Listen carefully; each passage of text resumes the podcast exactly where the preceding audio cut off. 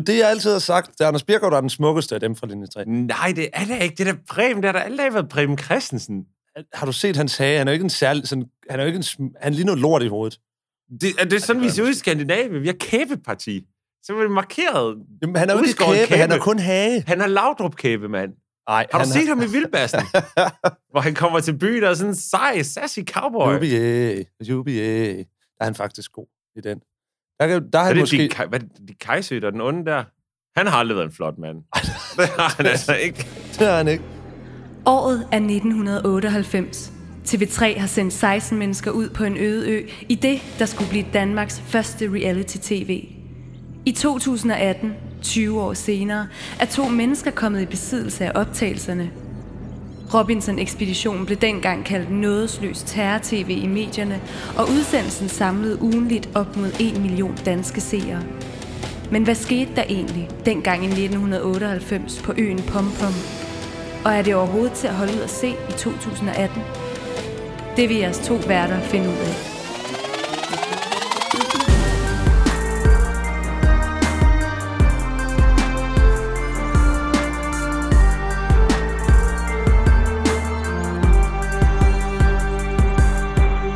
Være, vi skal prøve at gå i gang med tredje afsnit af Robinson-ekspeditionen. Det var da egentlig en glimrende idé. Du Ja. lytter nemlig til en podcast, der hedder Robinson-ekspeditionen, hvor vi afsnit for afsnit underligt grundigt gennemgår første sæson af Robinson-ekspeditionen fra 1998. Og vi er nået til afsnit nummer 3. Og i afsnit nummer 3, der er status det, at der er 14 tilbage. Vi har sagt farvel til Henrik Jarl og til Nata Bang. Ja. Og det er den 10. dag på øen, og der er 37 dage endnu. Ja. Øh, vi starter faktisk på præcis samme måde, som vi startede i afsnit nummer 2. Det handler om, at de gerne vil fange nogle fisk. Og at Hold Nord, de er stadig skide gode venner. De har det rigtig godt sammen.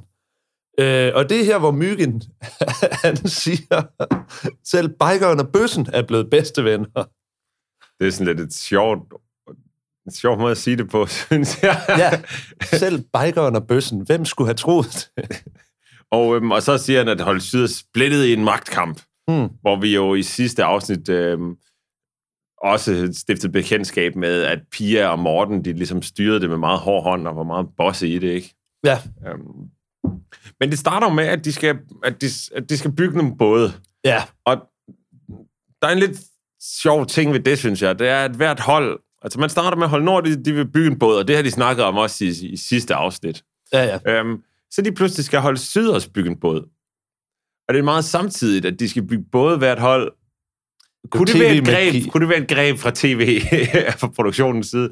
Ja, altså det kunne det meget nemt endda, hvor de har sagt til Hold Syd, gider I ikke lige, kan I ikke lige bygge en båd også nu? Fordi, men det synes, jeg synes faktisk, det var, det, var, det var fedt fortalt, den måde, de gjorde det på, hvor at, for ligesom at understrege det der med det ene hold, går det pisse godt for, at der øh, på Hold Nord, Biker Jens og de andre, de er virkelig, de er alle sammen fælles om det og sådan noget.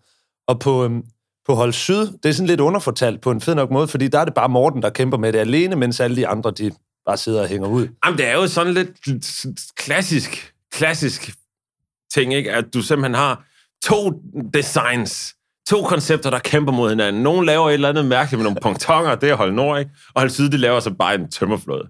Det er Ja. ja. sådan lidt, du ved, hvad er det for, hvem vinder det her, ikke? Tesla mod Edison-agtig situation. Hvordan vil du bygge en båd? hvordan jeg ville bygge... Øh. jeg tror, at jeg er nok en af, de, en af de sidste, der skulle forsøge på at bygge en båd overhovedet. Jeg ved sgu ikke. Jeg tror, jeg vil... Jeg synes faktisk, den med de der pontonger i siden er meget smart. Ja. Øh, men det, kræver, altså, det handler bare om at finde nogle ting, der kan flyde. Så stable dem. Ja, så ligger du der på dem, og så har du en båd. Det er for nemt. Så sker der det, at, der kommer, at vi når til kappestriden. Det er meget tidligt i udsendelsen, vi er allerede nået til kappestriden. Og der lægger jeg mærke til, Thomas Myggen virkelig hygger sig over at få lov til at komme med nogle æggepons. Ja, det er jo, en, det er jo ægstriden. Ja, Og det er, der er altså nogen, der har fået lov til at lave et skilt. Hvor der står ægstriden på. og, og det, der er lidt sjovt ved den her ægstrids ting, det er, at han, det var, altså Thomas Myggen får serveret den rigtig sjov ved at sige en masse åndssvage sådan ikke-agtige Ja. øh, ordspil, ikke? og, og det, jeg godt kunne tænke mig at høre, om du kunne, Morten, det var, kunne du, kan du forklare, hvad den her konkurrence går ud på? For det er altså virkelig svært at forstå. Den er meget kompliceret. Men jamen, det, det drejer sig om, der er en person på holdet, der ligesom er spændt fast i sådan en, øh, sådan en rem ned fra sådan en, ja, ned fra noget, noget træværk af en art, sådan, så man ligesom hænger og svæver sådan lige sådan, ligesom i en gynge nærmest nogle me, altså en halv meter over jorden. Øh, så hænger man der i sådan et tovværk der, og så de andre på holdet, de har hver sit ræb, der ligesom er spændt fast til dig også. Så de kan sådan hive, hive dig rundt og sådan, sådan få dig til at gynge og, og flytte dig rundt. Er ved at trække i det, det Ja. tog, de har. Ja, ja. Og så skal man så finde nogle æg, i, så man er ligesom spændt op hen over sådan en form for sandkassestemning, hvor der så er nogle, nogle æg, man skal samle op og putte op i sådan en lille, sådan en lille ting, hvor de skal ligge. Og så hvis man, dem der får alle fem, dem der får fem æg op i den, der tingest først, har vundet. Men så er der nogle af de steder, hvor man kan lægge dem, hvor hullet i, er der sådan et hul i, de falder igennem og sådan noget.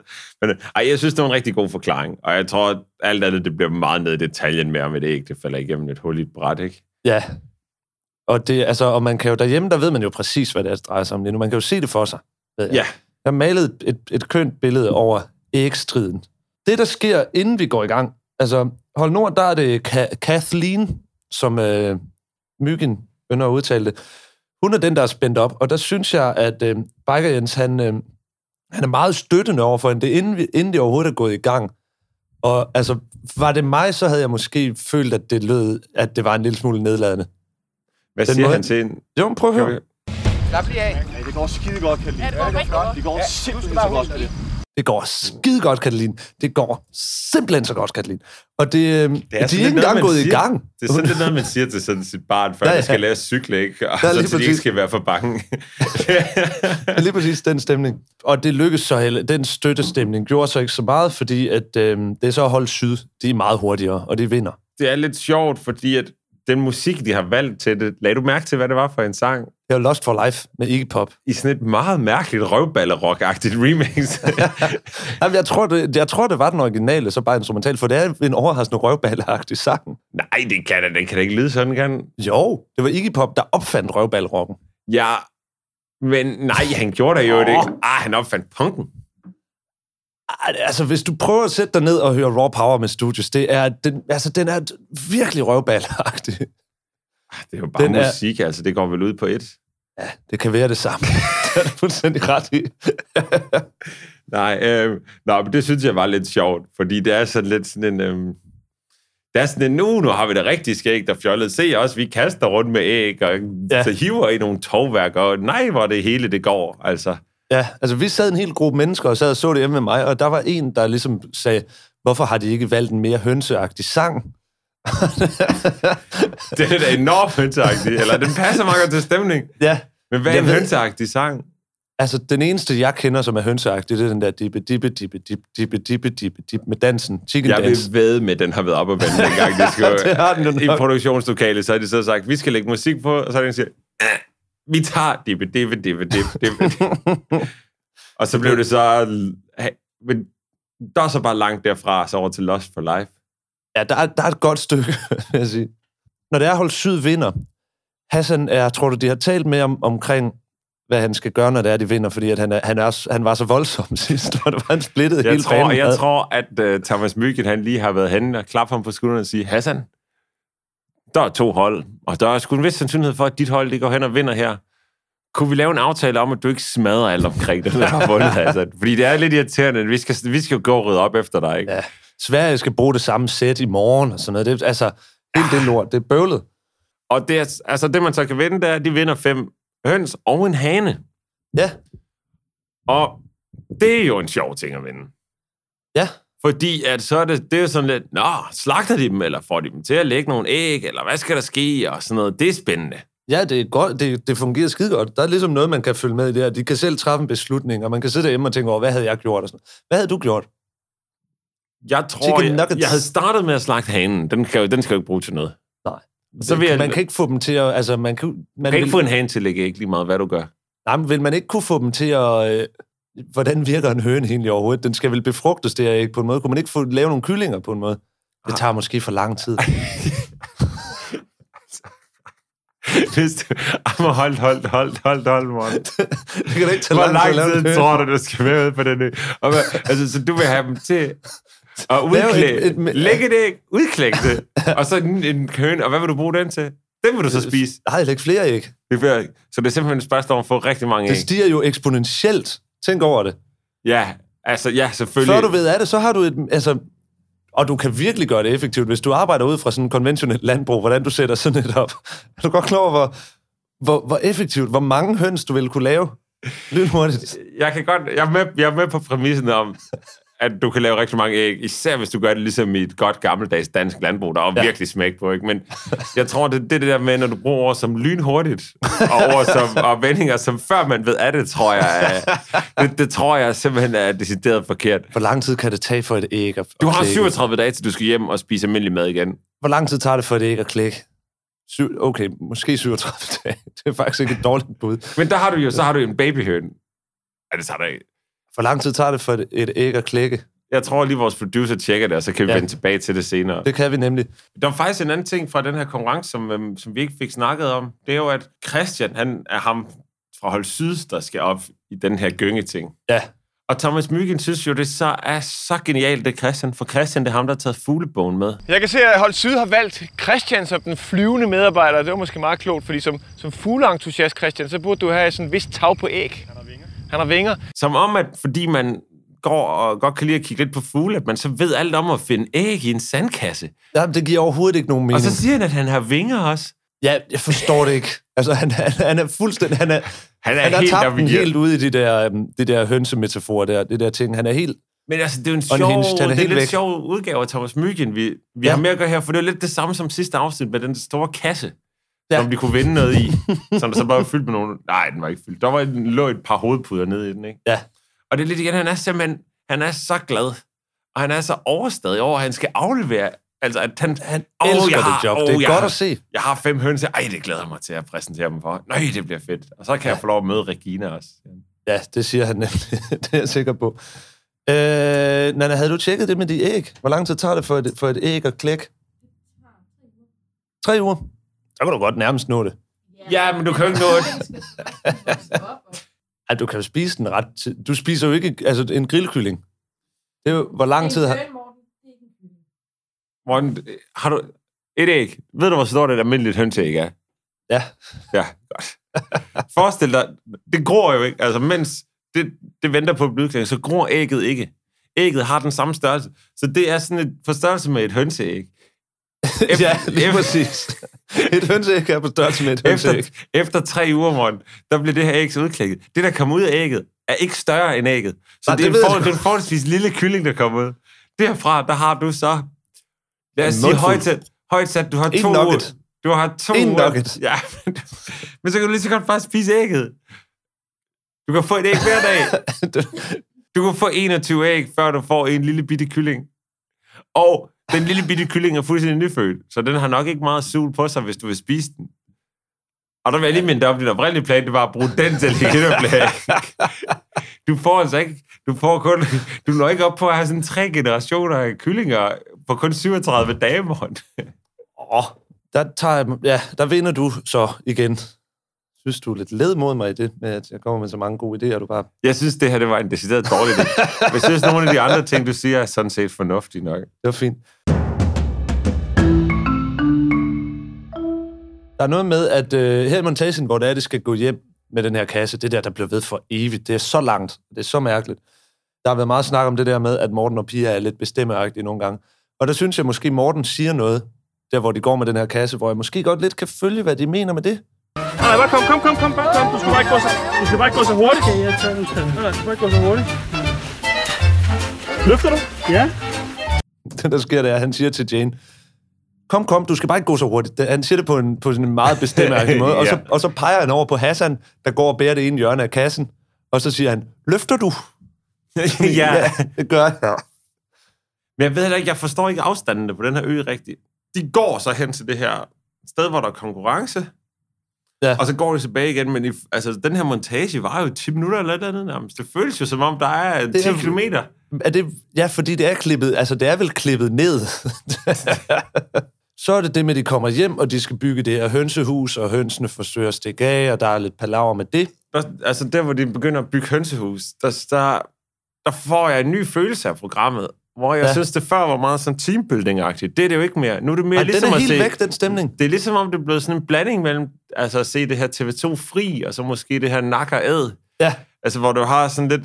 TV2 Fri, det, så går de og hygger lidt mere, og rode lidt med nogle ting i haven, og, og bygge et eller andet, og, og så får Ja. de lidt sådan lavet ude nogle i ting. frihuset. Jamen, det er sådan noget, ikke? Og det, og det bliver aldrig rigtigt til noget, vel? Og så slutter det med, at de ikke rigtig... Ja, før de får bygget en båd færdig, og så lavet et dårligt hønsehus. Og Ja, der går lidt, lidt slow tv i det, på en eller anden måde, hvor det, er det sådan, synes jeg altså lidt, der gør Ja. der. en mærkelig slow tv reality. En underlig kombination af ting. Men det slutter så også der, fordi så kommer der så en øh, reklamepause.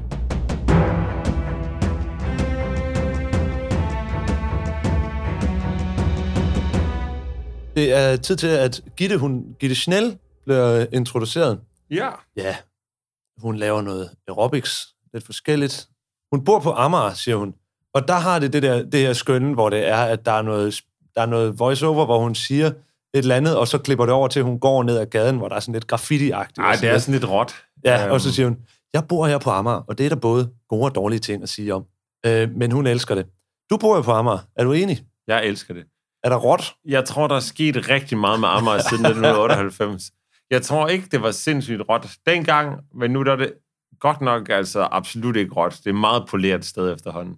Ja. I hvert fald den del, det kommer an på, hvor på Amager jo, for jeg vil sige, hvis man begynder at komme ned syd for motorvejen, altså ned i Tornby og, så, og, og Dragør og sådan noget, der kan sagtens være nogle grå områder, vil jeg sige. Ja, ja. Øhm, men det virker, bare jeg vil jo tro, hun bor mere her, altså så. på sådan Amager, altså det ligner med, at hun bor sådan omkring Amagerbro eller sådan noget. Ja. Der er jo altså blevet moderne. Ja, der er rimelig alm. En ting, man også kan være helt stensikker på, det er, at Gittes kæreste er fra Amager. Der har jeg lige taget et lille screenshot, hvis, Ja, du, tak. hvis, øhm, hvis du lige- vil beskrive lidt, lidt med ham, Morten. Ja. Først og fremmest, så synes jeg, at han ligner... Jeg syntes lidt, han ligner ham der Torben Chris i hovedet. Ja, ham komikeren. Ja. Jeg ligner ham virkelig meget. Helt absurd meget. Det, der Og så er forskel på ham og Torben Chris, det er jo, at Torben Chris, han jo lever i 2018 Ja, og har det her afbladede stridthår. Hvor den her mand, han jo er lovlig undskyld, fordi at vi kan jo grine af, at han, at han har lidt sjov stil på det her billede her, men at sådan at det var jo topmoderne dengang. ja det var tiden. Jeg tror, Torben Chris, han har haft det der hår, siden det var moderne. det tror jeg altså også. Han har altså ikke ændret det. Det er fint nok. Ja. Øh, men det er, altså, Gitte Snells kæreste er enormt stærk. Og han, står, han har sådan noget tribal-tatoveringer op og ned af armene. Som var På den ene arm og enormt på den populær. anden arm. Nu er jeg ikke helt sikker, men er det de der seje øjne fra det der mærke No Fear? Kunne det næsten være det? Det ligner det. Det var også det, jeg troede, men jeg er ikke helt sikker. Men i hvert fald, så, øhm, så er han, han er helt sikkert været en rimelig cool dude dengang. Absolut. Og sådan en tribal-tatovering, det kan godt være, at den ikke er, øhm, er så populær længere, men så var man da i hvert fald moderne lige dengang. Ja, ja. Og man kan også se forelskelsen i Gitte Snells øjne, når hun Ja. så kigger på ham. Det er hyggeligt. Det er hyggeligt. Det kører. Ja, der er, vel ikke, altså, der er ikke så meget mere at sige til den intro, synes jeg. Den er ikke lige så kikset som nogle af de andre, synes jeg. Nej, desværre ikke. I forbindelse med øh, Gittes introduktionsvideo og så videre her, har jeg faktisk været igennem til hende og øh, fået lov til at få et lille interview, hvor hun fortæller nogle forskellige detaljer om, hvordan det var dengang. Det er Gitte. Hej Gitte, det er Morten. Ja, goddag Morten. Lad, lad os kaste os ud i det. Jamen lad os gøre det. Allerførst, hvor meget var I opmærksom på tv-holdet? Var der, hvor meget ligesom, påvirkede de jer til at... Altså, hvor meget skubbede de til jer i forhold til at skabe nogle intriger og skabe noget konflikt? Og, De gider ikke kun at høre på mig selv og rose de andre. Hold kæft, var han god og fantastisk til det ene eller andet. Det, det kom ikke med i fjernsynet. Der var også en situation, for eksempel med, øh, hvad hedder det, en af deltagerne, en der hed Christian, som jeg blev meget gode venner med dernede på øen. Han Mm. vandt en eller anden middag øh, i en konkurrence, og så, øh, så måtte han vælge en for holdet, han kunne tage med. Og så valgte han mig. Øh, og vi spiste, det blev filmet selvfølgelig, alle de her ting. Og så til sidst, så siger de, kan I ikke lige gå ud i vandet? Og det ville være så fedt, hvis I holdt i hånden. Og vi var sådan, nej, vi gider ikke at holde i hånden, vel? Fordi altså, vi er ikke kærester. Og det er jo det, de gerne vil ligesom vise, så kunne de slutte scenen der, fordi det passede til, hvordan de kunne lave en god historie. Ikke? hvordan var det så? Altså, du kommer hjem fra øen, og så går der vel ligesom noget tid, før det bliver sendt. Ja, det kan jeg sgu ikke huske. Men, Nå. men jeg var jo virkelig spændt på, at vi skulle se det, i hvert fald. Ikke? Ja. Og vi samledes øh, nogle stykker, som jeg havde været afsted med, og vi så det sammen. Øh, så der var jo ikke rigtig noget hype om os Nej. Bagefter så eksploderede det jo fuldstændig. Ja, Øh, og, og lige pludselig blev man inviteret til alle mulige øh, biografpremiere, og øh, jeg kan huske første gang, jeg skulle til en, øh, til en øh, biografpremiere, som var i Skala, øh, og så kom vi ligesom også holdet, øh, også der ligesom havde valgt at tage, tage til den her premiere op ad rulletrappen, og der kan jeg bare huske, at der stod øh, Michael Jarnvi, og der var Kasper Christensen og Bubber og sådan. Og de så på os og sagde, Gud, der kommer de. Altså, for os var det bare så, Gud, der står de der kendte, og, og det var så sjovt at se deres reaktion på os, fordi de havde siddet og set det derhjemme. ja. Så de synes jo, at nu, Gud, der kommer de op ad rulletrappen. Så det var sådan en virkelig mærkelig øh, oplevelse, at de kendte os. Har du noget sladder, eller noget et eller andet, nogle, nogle, nogle ting, som du føler, du kan komme ud med nu, når det er så lang tid efter? Jeg kan huske, at der var, øh, vi havde jo det her produkt, jeg ikke, om det er sladder, men det er hvert fald en meget sjov historie, hvad hedder ja. det, øh, produktionshold, de boede jo på en anden ø, og så kom de jo sådan sejlende ud til os, og vi havde jo ingen mad. Vi havde jo kun de der ris, og hvis man var heldig at kunne finde en eller anden øh, kokosnød øh, ude i junglen og så videre. Ja, Og så produktionsholdet, de havde jo sådan en dejlig, øh, øh, hvad hedder sådan en termokasse med, med deres frokost i. mm. Og så på et tidspunkt, så var vi ude og lede efter mad, og så havde det ene hold, de havde ligesom sat den her madkasse, de havde øh, gemt den et sted, og så de var ude og lave optagelser, og vi kommer gående forbi, og så ser vi den der termokasse, og så står vi lidt og siger, hvad, altså, kan vi tillade os at spise det eller hvad? Og så blev vi enige om, men prøv at høre, vi er jo på overlevelse. Hvis vi var ude, altså der ikke var noget tv-hold, og vi fandt noget mad, så ville vi jo spise det. ja. Så vi beslutter simpelthen for at stjæle deres, den der madkasse den der dag, og så tager vi hjem til vores hold, og så spiser vi det. Øh, og, øh, og de bliver simpelthen så rasende.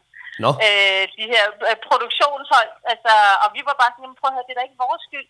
Der var også en, øh, der var sådan en svensk øh, producent. Han fandt ud af, at de kunne ikke bare styre, som de gerne ville. Så var vi efterhånden, så var vi bare så udsultet, og vi var trætte, og vi orkede ikke noget, så de kom ud til os, og vi lavede ingenting.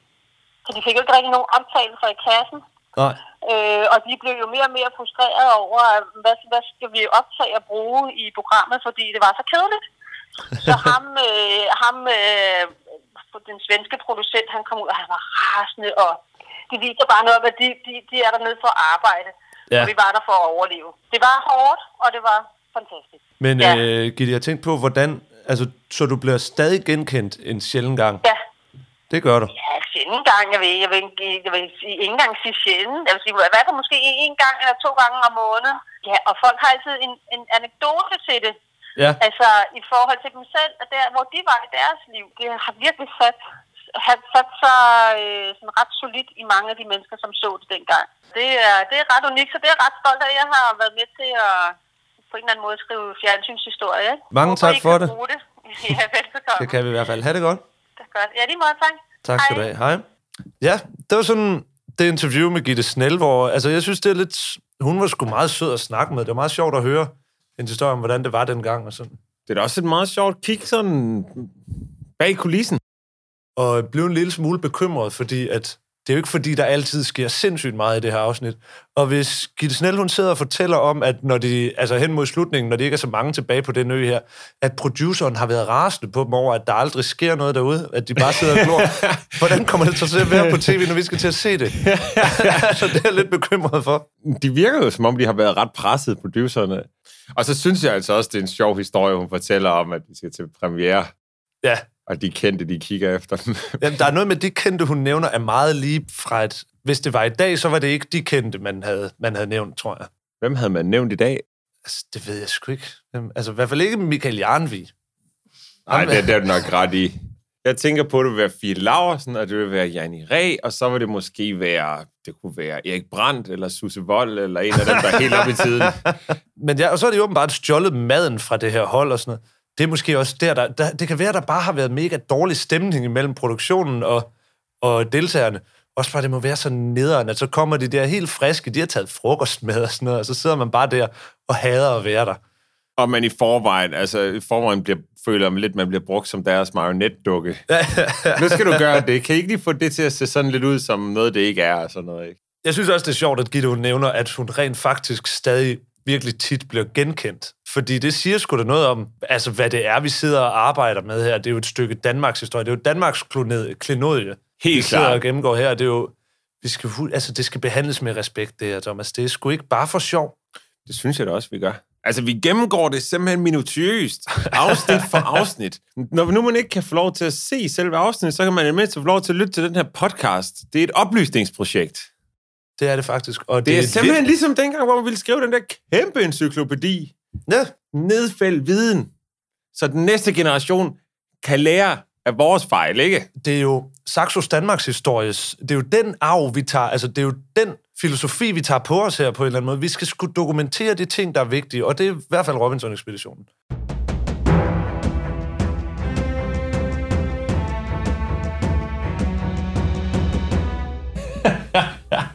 det, der foregår lige nu, det er, at Thomas han bare sidder og, og ved at gå i stykker af grin, mens han kigger på billedet af Paul Dissings ansigt.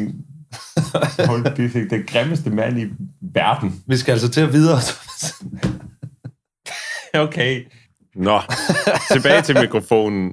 Ja, vi er i gang igen. Efter reklamepausen, der, øh, der blænder vi op på Hold Syd, hvor Christian står og skifter tøj foran Karina. Han kører simpelthen øh, nøgendolk. Smider helt pisset. Kører fuld rulle. Ja, ja altså, fuld pul. Det han, det han gør, det er, at han lige skifter tøj midt Ja. i det hele. Altså bare står der, helt nøgen. Øhm, lige pludselig. Ja, det er ud af det blå. Drengene er sådan lidt mere øh, en dag, så Christian han smed bare bukserne lige foran mig og sagde, du må vente om, hvis ikke du vil se det. Christian, tag det væk! jeg vil ikke røre ved Det var sådan lige rigeligt nok. Altså, det, hun vil ikke røre ved den. Og det er fint nok. Men er det ikke lidt en mærkelig ting at sige? Han ligger jo ikke op til, at hun skal røre ved den. Nej. Er det ikke sådan noget, hun nærmest ligesom prøver med at sige for at overbevise sig selv om det? Eller sådan? Jamen, det er Men nemlig det, det, det, måden, hun siger det på. Man Det er sådan, det som om, at hun i virkeligheden mener, at hun faktisk rigtig godt kunne tænke sig at røre ved den, men hun lige skal ja. minde sig selv om, at der er tv-kamera på, så hun må hellere lade være. ja, det er sådan lidt freudiansk slip på en eller anden måde. Det er lidt der, vi er henne. ja. Det er Jane, ikke? Øh, nej, er det det? Det er Var det Karina? Det Ja, selvfølgelig, er siger Karina. Ja. Øhm, men det er faktisk lidt... Altså, der tager de sådan et tema op her, der Ja. handler om, øhm, sådan om, altså om blufærdighed, og det her med forfængelighed, lidt hvordan ligesom sørge for at se nogenlunde ordentligt ud, når de nu ikke kan gå i bad, og ikke har noget Ja. ja. spejl eller noget. Og, og det er egentlig jo, det er jo et meget spændende emne. Ja, ja. Og der er en- et par ting, jeg ikke fatter. Og den ene ting, jeg simpelthen ikke forstår, det er, at Hanne, hun har selvfølgelig fået lov at få sit make sæt med. Det har hun nemlig. Fedt nok. Personligt ting. Og jeg tror faktisk ikke, det er en rigtig dårlig person ting, for jeg tror, det er noget, der giver lidt sammenhold blandt pigerne, de lige kan give hinanden lidt øjenskygge på. og Sådan noget. Det, Det fornemmer man sådan. i hvert fald lidt. Det virker sådan, det fornemmer man lidt. Men hun har så ikke fået lov til at få et spejl med. Altså, det de har pillet spejlet ud af hendes make æske Ja, det ved jeg virkelig ikke, hvorfor. Altså, det giver ikke nogen mening for mig. Jeg forstår det slet ikke. Men et spejl vil være en god personlig ting, så kan du jo sidde og, og vifte med det, sådan, så du kan blinke ud til nogle skib, der så kan komme forbi og ind til øen. Og Samle det, op. det er ikke sådan, det virker. Det handler ikke om, det skal... Det handler om at være på øen længst tid. Den, der er på øen i længst tid, har vundet. Men det er jo der, at hele konceptet, det er fuldstændig forkert. Det burde jo være omvendt. Når du er fanget, du er strandet på en ø. Hvad, hvad, hvad, hvad, hvad, det- hvad er det så det, du vil gøre for at overleve og klare dig? Det er sgu da at komme væk fra den ø. Det skulle være den, der blev på øen i længst tid, der havde tabt. Det, det vil faktisk være et bedre koncept. Det er selvfølgelig svært at bygge op til, fordi at, altså, man så ved, at den første, der kommer hjem, så har vundet, ikke? Men så kunne man afspille det baglæns eller et eller andet. Hvordan? Det giver ikke nogen mening, det der. Du vil afspille det baglæns. Altså hele showet. Så de går rundt baglæns og Nej, taler nej, nej. baglæns. Nej, men det kan godt være, der er et... det, kan, det kan man ikke. Nej, det kan godt være, der er en bedre løsning, men du forstår problemet, ikke? Altså, hvis Ja. vi tager og siger, du har 16 mennesker kommet ud på en ø. Ja. Det handler om, hvem slipper først væk fra øen, har, Men prøv vundet, at forestille dig, har vundet livet. De har ikke Ja. vundet en kvart million, de har så vundet deres almindelige hverdagsliv tilbage. Men prøv at forestille dig, at så, så, jeg kommer sejlende forbi i en fiskekutter, helt tilfældigt. Øh, der er en ø. Jeg kan se, der står et menneske derinde og råber og huder og vinker og noget. Jeg kommer derhen og vil samle den her person op. Jeg spørger lige kort. Er du alene? Er der andre mennesker på øen, der også skal reddes? Og så siger personen, der er 15 andre, men du skal kun tage mig med. Så vil man jo ikke tage det rigtig Ah, okay, okay, seriøst. men så vil man tænke, har du virkelig brug for den hjælp her? Okay, men så skulle, så skulle man jo så have dem på hver sin øde ø. Ja. Altså, så skulle du have 16 øde øer. Men så vil det jo være tilfældighederne, der råder, hvem der vinder. Det kommer an på, hvem der lige er der, hvor der kommer noget forbi. Måske. Ah, men der er jo så meget tilfældighed alligevel, altså. det er Folk, livet. de, det er sådan, der altså. Plat og krone, ikke? Altså, Ja. ja. Folk, de sidder... Folk, de betaler big bucks for at få lov at sidde og se nogen, der spiller sten, saks, papir i tv, for eksempel, ikke? Det gør de altså ikke, Thomas. Det giver ikke Big, mening. Big, bucks. big money. Ej, det Sten, saks, papir det- på pay-per-view. det gør de måske ikke, men altså, jeg synes, det kunne være øh, rigtig interessant at se, hvem der var den rigtige til det. Og så kunne det måske blive sådan et... Hvem, det kunne også bare, hvem kommer først hele vejen hjem til Danmark, så selv. Ja, det kunne man selvfølgelig også bare gøre. Uden en krone på lommen. Så vil det så min hedde, ikke? personlige ting være øh, måske 125.000 danske kroner. Nej, ikke danske kroner. Dollars. Dollars vil jeg vælge. Men jamen, der skulle man jo nok lige stramme reglen lidt om, hvad man... Det kunne, rigtigt. det kunne jo egentlig være meget sjovt, hvis der er en, som til deres personlige ting i den almindelige Robinson-ekspedition bare har taget en hel masse penge med. Sådan og bestikker folk til. Okay, hvis du ikke stemmer på mig, så får du en plovmand. det tror jeg faktisk, man kunne komme langt med. Det er jo et gamble. det Ja, er lad os sige, du tager 100.000 kroner med. For ja. Det første, så skal du passe helt vildt meget på dem. Ja, Og så er det jo også spild, hvis du så ikke går hen og vinder den store gevinst, ikke? absolut. Og plus, altså, jeg tror, at man vil... Jeg tror ikke, folk ville synes, man var en flink fyr, hvis man havde gjort det. Jeg tror, man blev stemt ud ret hurtigt. Der ville være ekstremt dårlig stemning omkring det. Også fordi... Hvordan, hvordan, hvordan, altså, hvordan, hvordan vil det være det, hvis du giver dem penge? Jo, men jeg, altså, så vil jeg da tage imod pengene og stemme på dig alligevel. Hvad vil du gøre? Helt ærligt, du skal forlade øen omgående. Det er selvfølgelig rigtigt. Produceren, han har noget at sige. Ja, ja, man skal forlade øen omgående. Men man kommer over til den der, ud, den der ø bagefter, hvor man skal være i 14 dage. Og så kommer, så kommer den person måske tilbage, som har stemt på dig. Så skal de så give en pengene tilbage her. Der. Ja, ellers man kommer de der. op og slås. Det er da fucking nederen. Ja, det kan jeg selvfølgelig godt Det kan se. du ikke, du kan ikke være bekendt, hvis du lige har fået 2500 en eller anden, og så... 2500 er faktisk et, et præcist rigtig godt beløb. det er lige præcis det rigtige beløb. Øhm, men der er jo det her med, at øh, nogle, af, nogle af pigerne, kvinderne på holdet her, de går op i at smuksere sig selv og tage lidt sminke på og sådan noget og se godt ud. Pia, hun har det meget anderledes i forhold til det. Og det er som om, den måde, hun siger det på, synes jeg er ret sjov, fordi hun siger det som om, at øhm, hun vil gerne være lidt diplomatisk omkring det. Hun vil ikke sige direkte, at hun synes, det er irriterende. Der er nogen, som bruger meget tid og energi på sådan med lidt makeup og ordne håret og fix øjenbryn og hvad ved jeg. Øhm, og øhm, så er der andre, tror jeg, som bare prøver sådan, øh, at glemme det lidt. Sådan, fordi altså, det er jo egentlig lidt ligegyldigt på en eller anden fasong, ikke? Ja, han er jo super aktiv omkring at have så mange farver og sådan omkring sig selv og sådan noget. Det var jo utrolig dejligt. Øh, øh, og så kan man så diskutere, om man synes, at den energi måske skulle bruges på noget andet. Er hun en lille smule retorisk der? Jeg vil sige, hun er en lille smule passiv-aggressiv i den måde, hun siger det på. At så er der jo så kan nogen, man jo som... diskutere. Ja. Om, Det kunne jo være en god idé. Det kunne også være en dårlig idé. Der er måske nogen, der kunne finde på at synes, at det var ikke den rigtige idé. Det rigtige sted at lægge sin energi. Måske. Det kan man selvfølgelig diskutere. Det er meget vigtigt. Det er meget tydeligt, hvor hun står i den, Ej, hvis man skulle tage den hun diskussion. prøver at maskere det, men det går ikke særlig godt. Altså. det vil jeg faktisk ikke sige, det gør. Øh, så der er lidt det, og Pia og Morten, de roser hinanden og har det godt og sådan noget. Hanne når lige at brokke sig lidt. Ja, men hun har jo det her med, at hun simpelthen... Ja, man kan fornemme, at hun sidder og taler til kameraet om det, og man kan fornemme, at hun har været i gang i lang tid. Altså, det er et langt rant, som de lige klipper meget ned. Fordi hun har måske bare siddet og bare åbnet op, ikke? Ja. Og det, det, hun får sagt, det er, at hun ikke må sidde ned. og jeg tror, hun overdriver lidt. Ja. Altså, som at piger, hun bare siger, "Op, du må ikke sidde ned, du må ikke det. Og, det, og så, ja. Ja, man kan godt mærke, at der er i hvert fald ikke specielt god stemning på Hold Syd. Over på Hold, Hold Nord til gengæld, der har de det fedt.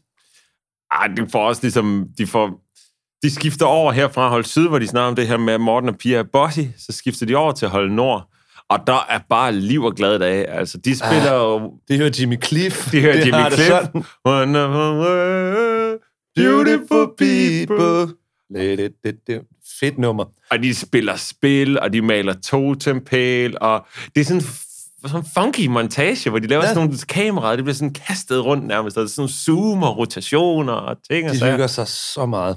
Det er lidt nærmest musikvideoagtigt. Ja, ja. Men det er sådan ligesom, de bruger sådan samme teknik som i sådan en... Jamen, altså, jeg forestiller... Okay, jeg har ikke lige set en film, men for eksempel ham der, Peter Andre med Mysterious Girl, hvor det er sådan, du ved, nogle klip fra et dansegulv, og så zoomer kameraet lige og drejer ja. Lidt derud, og så klipper videre til det næste. Sådan og sådan noget. musikvideoen til Mystery Girl med Peter Andre, der står han jo ved et springvand. Gør han det? Nej, et, hvad hedder det? Et vandfald. Jeg kender en, der har været nede og, øh, på sådan en turisttur, hvor en af tingene blandt andet var en udflugt ud for at se det vandfald, hvor, øh, hvor musikvideoen til Peter Andre Han blev... påstod jo dengang, han påstod jo hårdnakket, han tog tusinder mavebøjninger hver eneste dag, bare for at holde sig i form. Jeg tror også, han overdrev med det. Altså, jeg tror, han var Jeg tror, den. Hvordan har du det egentlig i det hele taget med hele den her sådan reggae, revival reggae pop ting, der kørte meget i 90'erne, med Inner Circle og Snow og Shaggy og alt det her, som var meget en ting. Er det noget for dig? Ja, jeg Ja. synes, jeg synes, det er...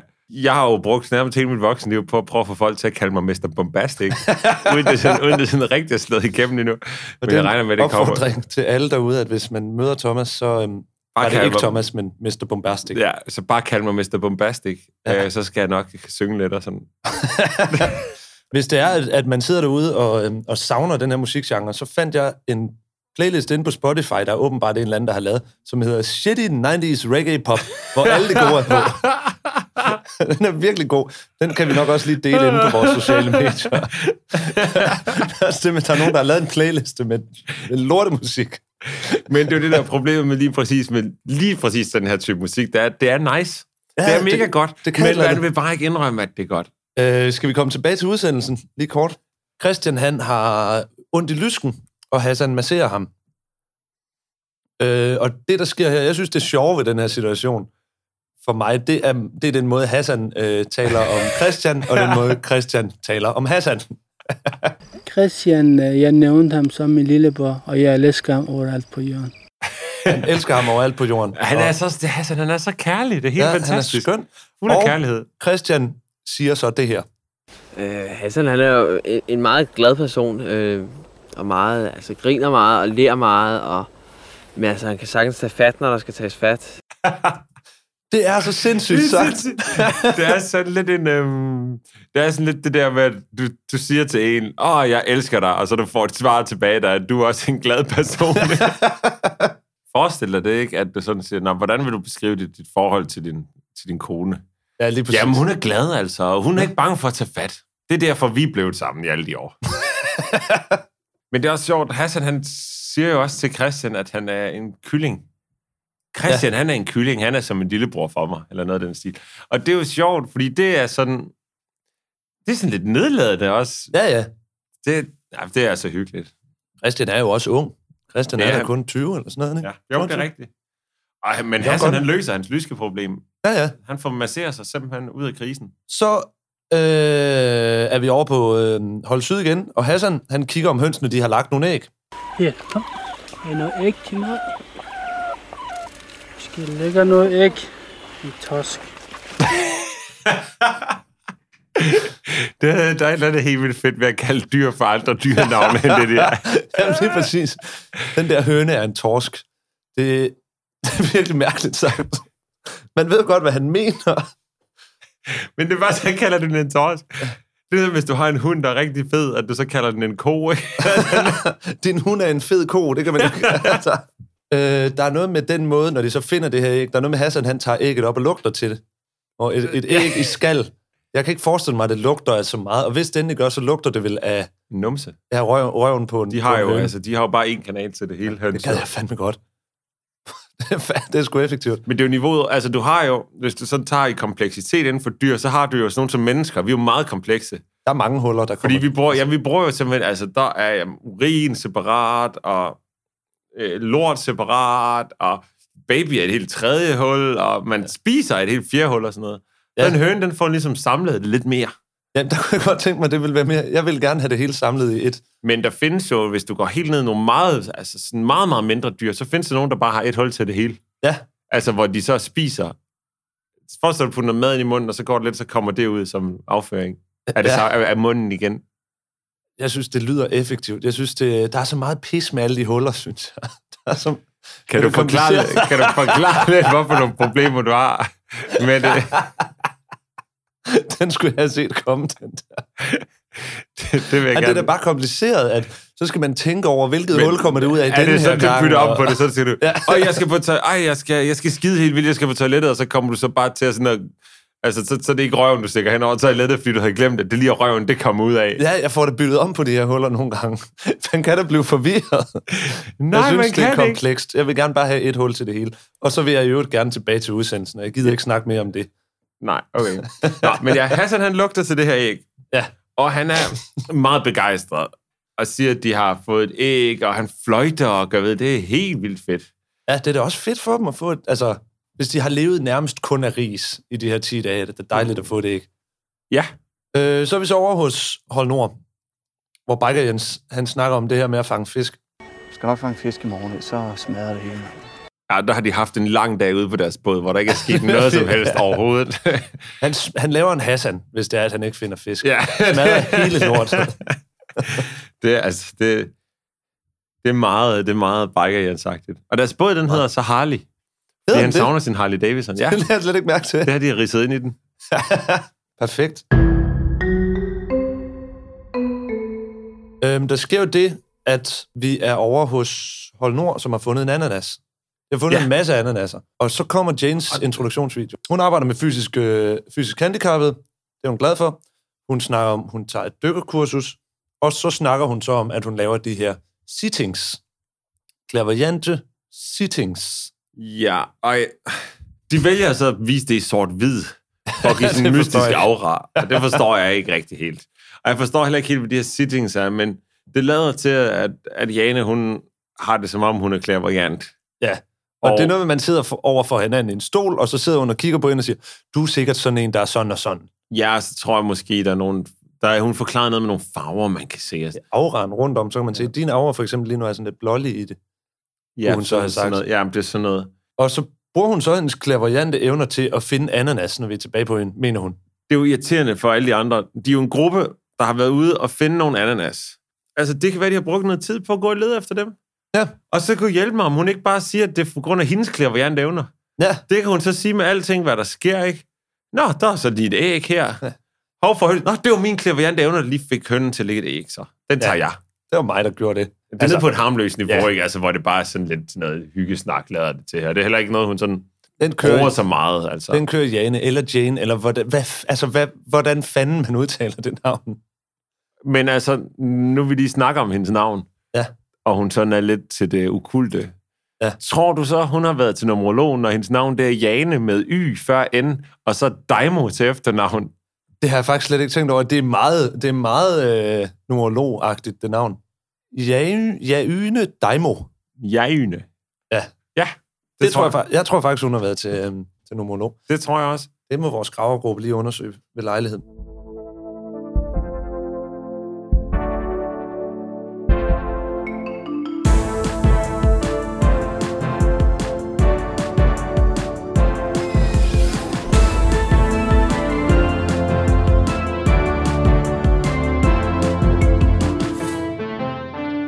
Bliver det så tid til Robinson-dyst, men inden det, der, der øh, skal vi over til mit absolut yndlingssegment efterhånden. Det er blevet quiz-tid. Og jeg er altså også... Det er noget, der virkelig gror på mig også, det her Ja. quiz. Det er simpelthen nogle helt fantastiske ting, som øh, vores producer og gravergruppe, de finder frem af spørgsmål til os. Det er så godt. Øh, og vi har også givet op. Altså, nu hedder det så bare quiz-tid, tror jeg. Ja, Tom Falsk. Myggen og det der, det var... Ja, men jeg tror, det blev for meget. Det er blevet quiz-tid. Det er nemlig blevet Det quiz er bare så kedeligt, at det er bare quiz. Altså, Åh, det er selvfølgelig rigtigt. Rob Quizson. åh, Åh, Der var hvordan kan vi først have fundet tøk på det nu? ja. Okay. Det hedder det i det her afsnit. Der er det Rob Quizson. ja. Ja. Og hvordan er det, reglerne er? Hvordan er det, det plejer at være i vores quiz, Nana? Det er, at øh, jeg kommer med et udsagn, og I skal så vurdere, om det er sandt eller falsk. Ja. Og hvad er der på højkant i dag? Hvad med øh, en kærlig tanke?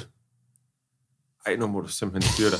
Jeg vil have en tebirkes, hvis jeg vinder. Og okay. sådan er det. Jamen, Så vil jeg også have en te, Birkes. Godt. Jeg vil have en bakke æg.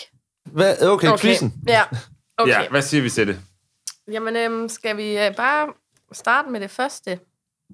Øh, Det er et godt sted at starte. ja, Ja, okay. Vi starter. Jane udviklede efter ekspeditionen et bølgemassageapparat, som havde til formål at fjerne fedt på kroppen. Hun opdagede nemlig selv under opholdet på Pompom, at de strømninger, der var i vandet, havde en effekt på hendes egen hud. Jamen, det, det, det, er bølgerne i vandet gjorde noget ved hendes hud. altså, jeg skal lige se, det vi skal svare på, der, om hun udviklede sådan en dims, eller om dimsen virker. Nej, nej, om hun det- udviklede det tror det. jeg Jeg, vil gerne sige nej til, at den virker, men jeg... Hun tabte sig ud på øen. Det var sgu Ja. ikke på grund af bølgerne i vandet. Nej, det var det, var fordi, det hun led af ris. Ja, men altså, vi er helt enige om, at det er selvfølgelig sandt. Fordi hun har misforstået det fuldstændig. For det er jo klart, hun har tabt sig. Det er jo ikke på grund af bølgernes strømninger om hendes krop. Nej, det kan jeg ikke forestille mig, det er. Helt klart sandt. Det er sket. Hvorfor tror jeg det? det? Det er fordi Jane, hun er sådan en. Ja, det kunne godt passe. Det er, Det rigt, det er rigtigt. Yes! Ja. Vi gjorde det. 1-0. 1-0. Okay. Ved vi mere om det her apparat? Var det noget, hun... Havde hun succes med det? Det melder historien ikke noget om, så det tror jeg ikke. Det er et tegn på, at hun ikke havde så meget succes. Ja. Okay, det næste, det næste udsagn handler om Pia, og det er, så vi alle sammen er med på, hvem Pia er. Ja. Det er hende, der er stewardesse, og som er meget sammen med... Morten og Pia, det er de to, der bestemmer meget på Hold Ja, Syd. ja, ja. Som de Ja. Og andre er har trætte taget. Bibelen med. Ja, Morten er reklamemanden. Ja. Ja, Ja. det er præcis. Klart. Okay. Og Pia, hun har taget Ulysses af Joyce med. Yes. Pia har udtalt til her og nu, at mens hun var på øen, citat, havde hun lyst til at pisse i Hannes make sæt så pigerne kunne begynde at bestille noget. ja, men det er jo nødt til at være sandt, Ja, altså. det passer, det der. Selvfølgelig gør Men hvor, altså, hun vil pisse i det. Hvorfor ikke bare smide det væk? Fordi altså, det, vil, det er jo ikke sikkert, at de vil opdage det. Så kunne jo... Så vil, altså, Nej, det er svært at overleve et ø efter man er pisset i de andres personlige ting. Ja, det vil jeg sige. Der er jo Øh, ikke nogen, der ved, at det er hende, der har pisset i det, nødvendigvis. Der, Det skaber en dårlig stemning, at nogen... Det gør det. At der er sådan en... Det, det lægger lidt en dæmper på humøret, at nogen de har pisset i nogens make sæt ja. Og man så skal finde ud af sådan et mysterium, man skal finde ud af, hvem det er og sådan noget. Og jeg kan også meget nemt forestille mig, at man ville kunne få, at man, at piger har, har brokket sig nok lidt meget over det her make sæt så man kunne måske forestille sig, at det var hende, der havde gjort det. Hvad siger vi? Det tror jeg helt klart, hun har Ja, sagt. det har hun gjort. Det har hun aldrig sagt. Nej! Det har hun ikke sagt. Det er løgn, Nana. Det har hun ikke sagt. Det var sandt, at det var falsk. Mm. Det var der, der tog du godt nok øh, os lige ved næsen. Ja, Det gjorde jeg nemlig. Du tog fusen på os. Og nu står der 1-1. Trækker os rundt i Manesien. Boys. Vi er klar til spørgsmål nummer tre i quizzen. Yes. Thomas Mygin har, har til her nu udtalt, at han følte sig som Sylvester Stallone i rollen som Rocky, når han om aftenen løb på pom-pom med en helt skare tilhænger efter sig. De indfødte. Det forstår jeg ikke, hvad det betyder. Hvad er... Har du ikke, Hvad? set, har du ikke set Rocky? Jo, men hvad er det for nogle indfødte, der løber efter Thomas Myggen? Dem, der bor på pom-pom. Der bor Pom-pom, ikke nogen bor på. Pom-Pom. Den er jo øde. På mig en Du øde. tænker på Muhammad Ali dengang med Rumble in the Jungle, hvor han skulle slås mod George Foreman nede i Zaire, hvor alle de lokale så løber efter ham. Ved du, Så hvad George Formans børn hedder? Han har seks børn, der alle sammen hedder George Foreman. Er det rigtigt? Ja. Er det rigtigt? Ja, han har seks sønner, der alle sammen hedder George Foreman. Det er ligesom Og ham, der Knud Folchak, Ja, der, der er advokat for, for, for Christiania, der så har en bror, der også hedder Knud Folchak. Og en far, der også hedder Knud Folchak. det er så fint. Men, men så går de der og løber de efter ham. Thomas ja. Ja. Myggen råber, Myggen Boumaye. Ligesom i den... Er det det, de gør? Nej, prøv lige at vente. Ja. Ja. Det her, det er falsk. Fordi der er ikke indfødte på pom-pom.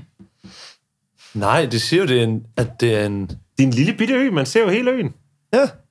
Og de starter med at sige, at det er en, øh, at det er en øde ø. Og selvfølgelig er det en øde ø. Det ville også være bøvlet, hvis der var indfødte og sådan noget på den. Ja. Vi siger nej. Vi siger, det er løgn, det der, Nana. Simpelthen. Det, der sker nu, det er, at jeg for første gang har vundet quizzen. Hvad? Hvad? Ja. Jeg vil gerne have et faktatjek på den der, Ja, tak. jeg synes, det lyder sindssygt. Jeg finder artiklen, og så kan I ja, simpelthen... det må du meget gerne. Vi, vi stoler selvfølgelig for, at det er rigtigt. Og jeg har vundet en tibirkis. Du har vundet Ja. en, et, Men en jeg bakke synes, æg. det var nogle gode spørgsmål, så det har du fortjent. Og vi har så tabt quizzen for første gang. Det var da forfærdeligt. Nu ved jeg Nej, ikke, om jeg det var ikke særlig fortsætte. godt for os. Det var dårligt. Det er nedtrykt.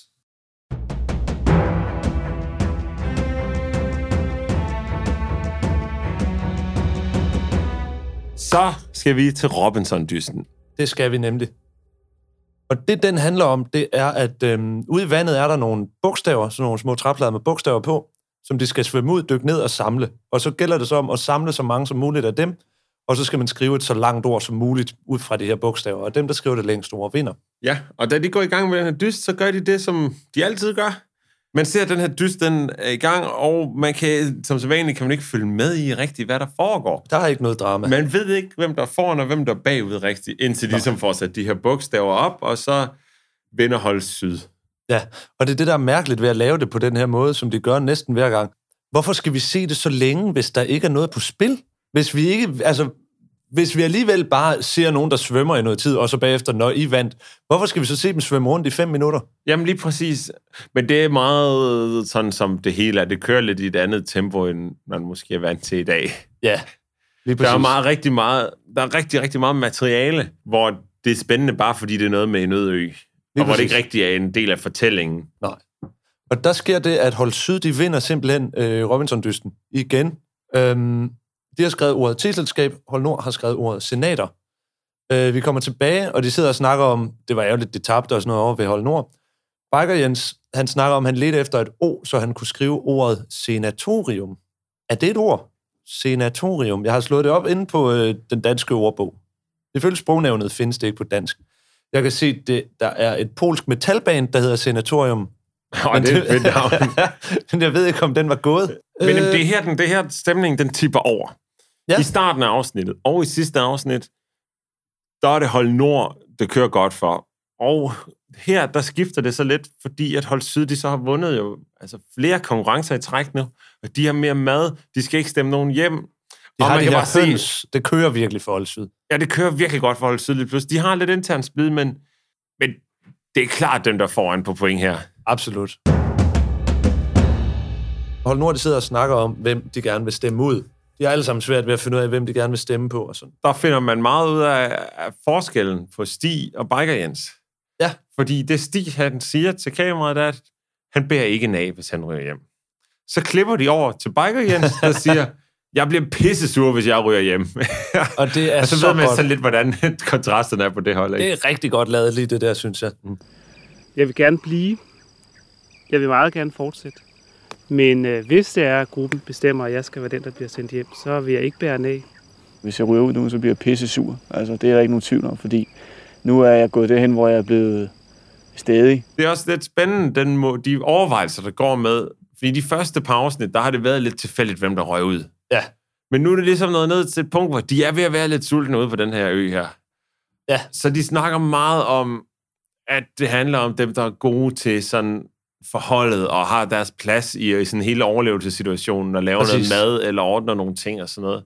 Ja, det virker som indtil videre, hvor før så var det Nada, de stemte ud, og det virkede som om, at hun var på en eller anden måde lidt åbenlys at få stemt ud, for hun var meget, det virkede som om, hun var meget en outsider, og Ja. ikke rigtig pa- passet ind i gruppen, følte det ligesom. Og, hvor nu, der er det jo ret, altså, der har vi ligesom fået poleret de værste hjør- skorper og hjørner af den her, så det, det fungerer ret godt, den her gruppe. Så jeg tror, de har, lidt, de har meget svært ved det. Ja, men det er, også, men det er lidt det der sjove, for der er jo ikke nogen der her, der tænker på at vinde konkurrencen. Nej, overhovedet ikke. Det er sådan noget med, at det handler om noget med noget sammenhold for holdet, og dem, der er gode til at være med til at vinde nogle konkurrencer, og nogen, der er gode til at overleve ude på en ø, og sådan Ja. noget, som de gerne vil have til at blive. Ikke?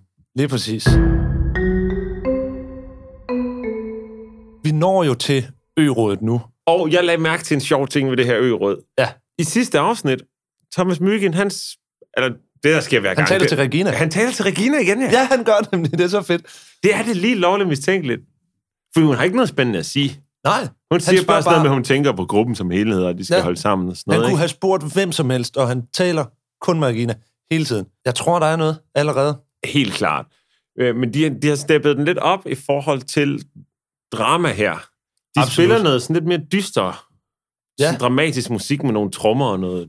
Det er også det er Uh, første gang, at de løfter ø-rådet. Hvor i det andet med Nada, der vidste man det jo. Altså, der sagde de det decideret. Nada ja. Bliver stemt ud. Sidder og venter i 10 minutter på, at det sker lige om lidt. Ja, ja, det, det er klart, det er klart. ja, her der var det sådan, i princippet kunne det godt være et andet, ja. Ja, ja. Og det synes jeg egentlig, de, øh, at, og det, drama, og det er klippet ordentligt. Det fungerer godt, synes Ej, jeg, det ø-rådet den her begynder, det begynder at være, øh, være rimelig ordentligt efterhånden. Altså. Ja.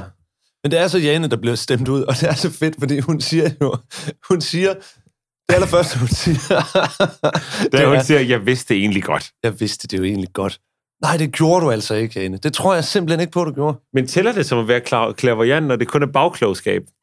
det tror jeg ikke. Nej, det synes jeg nemlig heller ikke helt. Det tæller ikke som at være klaverjant. Nej, det vil jeg altså heller ikke. Du Det kan ikke være altså heller klaverjant på bagkant på den måde. Det giver ikke nogen mening. Men så er det holdt syd, de skal spise høne til aftensmad. Ja, det er sådan afslutningen. Det, Ja. det foregår sådan, at efter når ørådet er slut, så har der lige sådan lidt et par afsluttende scener, hvor man lige ser, hvordan det går på holdet. Ja. Og hold syd, de står og binder slips af noget palmeblad og noget. De hygger sig virkelig. De har tænkt sig, at der skal være fest med dig. De Har skal... du tænkt, lagde du mærke til, hvad de bruger som du på deres fest med Nej, hvad bruger de? det er Hassans lændeklæde. Det er det, Hassan har gået rundt med om livet. Ah, det er rigtigt. Det med igennem. blomsterne, det var Ja. rigtigt der. Det er det, de sidder og spiser på. Nice. Men det gør de jo så ikke alligevel. Fordi det, der sker, er, at de dækker bord rigtig pænt, da de kommer tilbage fra ørådet, og de Ja. sætter Robinson-trofæet, som i øvrigt er helt afsindigt grimt. Har vi talt om det? Grimt. Ja, altså Det- Robinson-trofæet, det ser jo sådan her ud, Morten. Det er rigtigt. Det er et er lille stykke træ med to grimme små sten i, og så noget, altså noget snor rundt om, og sådan. Det, Hvor er det havnet i dag, tror du? Er det det samme, de bruger hvert år? Er det sådan Det tror jeg ikke. vandrepokalagtigt? Altså, det er jo tror et du, det er det er hjemme jo hos Regina? Altså, det ligner jo noget fra, hvad hedder det, hende der Nadas øh, visualiseringssted her. Altså, det ligner jo bare en stak, stak ting. Det er rigtigt. Noget tilfældigt sten, der er bundet fast på et stykke drivtømmer. Lige præcis. Nå, men det er jo sådan set fint nok. Man må jo gøre, hvad man kan, ikke? Og bruge de forhåndenværende ting og sager til at lave en, en grim ting med, ikke? Ja, det er det, og det handler jo ikke om æstetikken i den. Det er, jo, det er jo et symbol på at have vundet. De har vundet, og de er så glade. Mm. Og de får lov til at spise en lille smule høne hver. Hane. Hane, ja. Og de tilbereder den her hane, og de får dækket op som festmiddag, de tager slips på og siv, og der er liv og glade dage. Men lægger du mærke til, hvornår de spiser hanen? Nej. Der er det bælmørkt, og der er slet ikke dækket op på bordet længere. Jeg Nå. tror måske, den her hane, den har taget adskillige timer at tilberede for dem, når det kommer til stykket. Det kan godt passe. At de simpelthen bare har kæmpet så meget med det, og det, det tænkte de, det er nu mærkeligt. Det er ikke en historie, vi behøver at fortælle. Det skulle at de har for brugt kompliceret at fortælle 6-8 den. timer på, på, på at forsøge at koge den her hane, så den er klar til at spise. Sådan er det. Så er vi over på Hold Nord, de evaluerer over ørådet, og, og snakker om, hvordan det var at skulle stemme nogen hjem, og så videre, og så videre. Og Biker Jens, jeg tror at faktisk, han har det lidt ligesom, lidt ligesom du har det med, med, med Janes klaverjante evner og sådan. Fordi det, han siger, jeg har aldrig hørt nogen sige noget med så meget foragt i stemmen.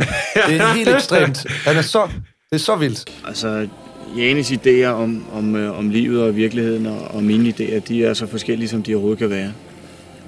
Øh,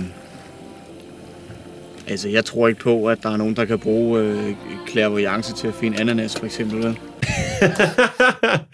Der er jeg enig med ham, det vil jeg sige. Jamen, det er, det, han, han er faktisk lidt grov, ikke? fordi han siger jo hendes idéer om livet og virkeligheden. Ja, Det er som om, at han ligesom lidt siger, at hun lever i en eller anden fuldstændig anden virkelighed end ham, ikke? ja. Og, Hun altså, går bare og tror, tror på sådan noget klaverjance. Det er jo ikke det er jo en helt anden virkelighed. Det er jo ikke... jamen lige præcis. Og Der er tonen- noget overlap Den imellem de to værter. i, at han siger det der med, at man ikke kan bruge klaverjance til at finde en ananas, for eksempel. Ja, for eksempel. Man ved det lige specifikt det, der har været det, der gjorde det for ham. det, det, Han er gået ved irriteret lige siden, ikke? ja, han har været rasende.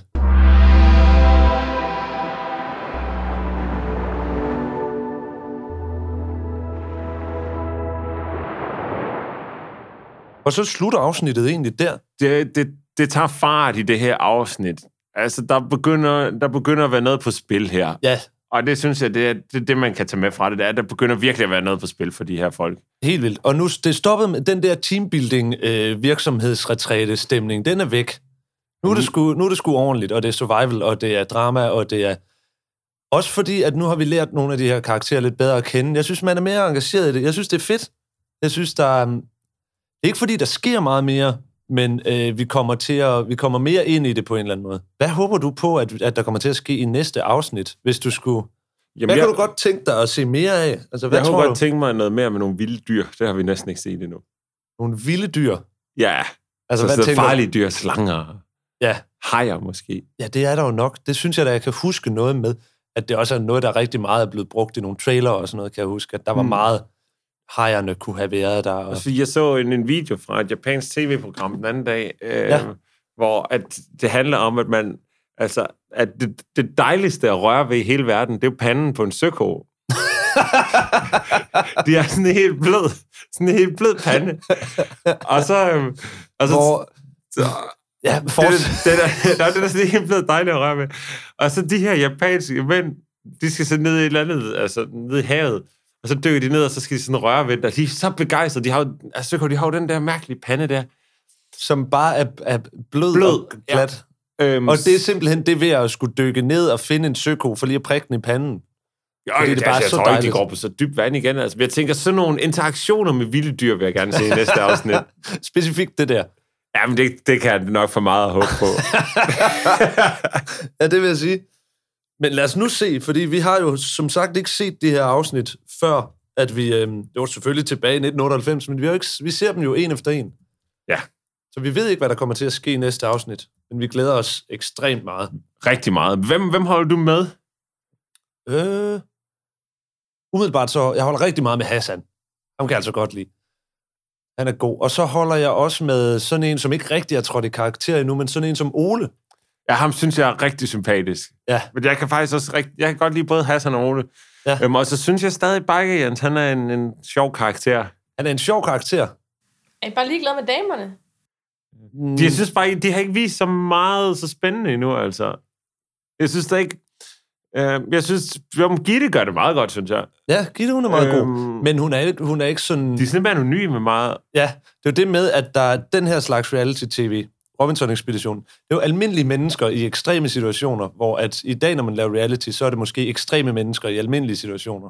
Det er for, altså, der er ikke no, særlig mange af de her mennesker, hvor man sådan... Det er jo Nej. sådan semi-almindelige. Jamen, det er også... Det er jo, og det har vi jo også nævnt før, men det var Ja, jo meget. sådan reality-tv var dengang. Det var, ja. Det handlede om almindelige mennesker, og ikke nogle crazy mennesker. Præcis. Men øhm, jamen, er det, lad os sige, det er jo det for denne gang. Ja, vi glæder os til at se, hvad der sker i afsnit nummer 4. Og så skal I jo også huske at gå ind og, øh, og følge os inde på de sociale medier, inde på Facebook og Instagram og så videre. Fordi der kommer vi til at lægge nogle forskellige ting op og øh, holde jer opdateret på, hvad der sker rundt omkring og så videre. Og så vil vi også rigtig, rigtig gerne høre fra dig.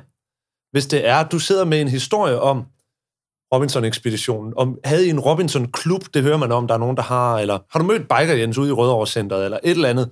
Vi vil virkelig gerne høre, om, høre fra dig, hvis der, hvis der er et eller andet. Også hvis du har nogle spørgsmål. Fordi vi har jo også øh, en gravergruppe, der kan lave noget research og så videre, hvis Vi det har, er. vi har nogle ressourcer til rådighed til at, til at komme til bunds i, i lidt af hvert. Ja, hvis du sidder derude med nogle detaljer, så, så vil vi meget gerne høre fra dig. Men også hvis, der er nogle, hvis du har nogle spørgsmål eller noget. Så tag og skriv ind, og husk også lige at gå ind på øh, iTunes og så videre, og give os de der fem stjerner i den anmeldelse der, fordi det er nemlig rigtig vigtigt. Og så bliver vi så glade. Ja. Hej, hej. Ja, og med de ord, et, et meget forsigtigt hej hej. Vi, vi, vi, vi lyttes ved næste gang. Ha' det godt. Hej, hej. Farvel. Øh, jeg bliver nødt til at sige, at jeg har lavet en fejl i forhold til det sidste spørgsmål i quizzen, hvor jeg sagde, at det var på pom-pom, at øh, Thomas Myking havde... Løb, løb, ja, han, ja, han løb sit motionsløbetur. Ja. Det var Ja. ja. det ikke. Det var en anden ø. Det er jo selvfølgelig ikke så. Det er jo meget beklageligt, og det vender jo op og ned på resultatet af quizzen, synes jeg, fordi at vi gik jo ud fra, at det var pom-pom. Ja. Øh, det- så du får altså ikke din bakke æg, Nana. Du får ikke din bakke æg, og i næste uge så har vi fundet en ny producer. Simpelthen. Tak for den gang. Nej, det synes jeg skulle for groft. det, Det er synes for jeg er for groft. Det er kontraktbrud. Åh, oh, shit. Ej, vi skulle aldrig have skrevet under på de papirer. Nej, du læste dem ikke, vel? Du skrev bare under, ikke også? Det gør jeg da. Jeg tror, du læste dem. Det er rock and roll. Det er rock and roll.